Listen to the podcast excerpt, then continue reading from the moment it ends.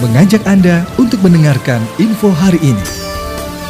PLT Bupati Bekasi lepas tim Persikasi U17 menuju Piala Suratin Nasional. Cikarang Timur, PLT Bupati Bekasi, Ahmad Marjuki melepas keberangkatan tim sepak bola Persikasi U17 ke Jawa Timur, di Stadion Wibawa Mukti, pada Sabtu, tanggal 12 Maret tahun 2022.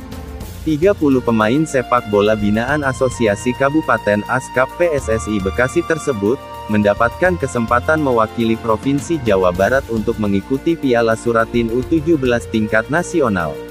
Didampingi Ketua Askap PSSI, Hamun Sutisna, PLT Kepala Dinas Kebudayaan Pemuda dan Olahraga, Henry Lincoln, Ketua Persikasi Reza Reynaldi, PLT Bupati Bekasi mengatakan, pihaknya merasa senang dan bangga memiliki bibit pemain sepak bola yang mampu mewakili Jawa Barat.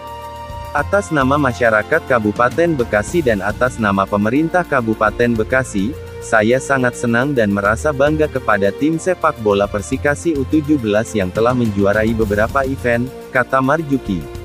Marjuki menyebutkan, keberangkatan tim Persikasi U17 ke Jawa Timur kali ini, bukan hanya mewakili Kabupaten Bekasi, tetapi mewakili Jawa Barat, untuk memperebutkan Piala Suratin U17 tingkat nasional.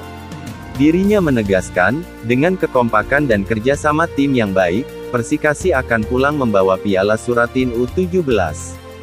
Sebagai bentuk dukungan yang konkret dari saya selaku pribadi, maka saya akan memberikan tambahan uang saku sebesar 20 juta rupiah.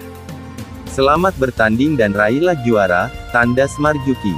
Di tempat yang sama, Ketua Askap Bekasi, Hanum Sutisna mengatakan, materi pemain Persikasi merupakan asli putra Bekasi. Pemain semuanya asal Bekasi dan binaan Askap, ujarnya. Pada laga perdananya di ajang Piala Suratin Nasional, Persikasi akan berhadapan dengan tim Papua Barat. Kami berada di grup B, bersama Papua Barat dan Sumatera Selatan.